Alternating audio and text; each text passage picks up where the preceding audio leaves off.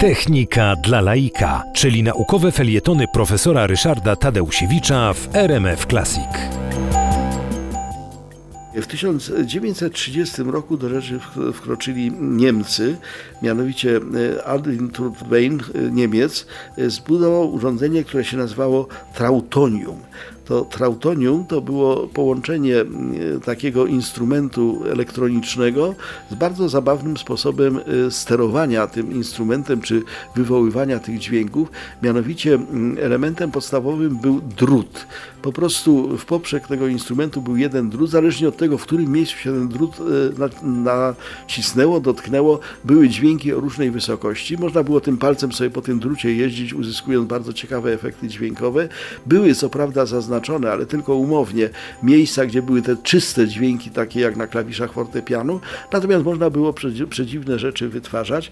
Co więcej, e, e, Trudwein e, zbudował wersję tego swojego urządzenia dla celów radiowych, to znaczy była wersja koncertowa, można było słuchać, ale ponieważ w dawnym czasie, to przypominam, to, to był e, 1930 rok, jeszcze radio nie było takie doskonałe, więc w związku z tym wytwarzanie dźwięku do głośnika, tak jak to się robiło w przypadku koncertu, i potem rejestrowanie go za pomocą mikrofonu i wysyłanie w eter za pomocą mikrofonu było trochę niewygodne. Wobec tego powstała wersja tego urządzenia, e, która była e, czysto elektroniczna, to znaczy prostszedł ten dźwięk na antenę radiową i tego rodzaju rozwiązania też były wykorzystywane.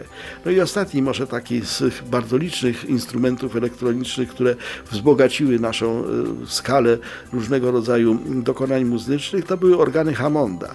W 1935 roku Amerykanin Hammond wymyślił odpowiednik organów e, tych akustycznych, normalnych, które e, funkcjonowały w kościołach, ale czysto elektroniczne dźwięki wydobywały się na zasadzie mm, naciskania klawiszy i e, uruchamiania odpowiednich generatorów.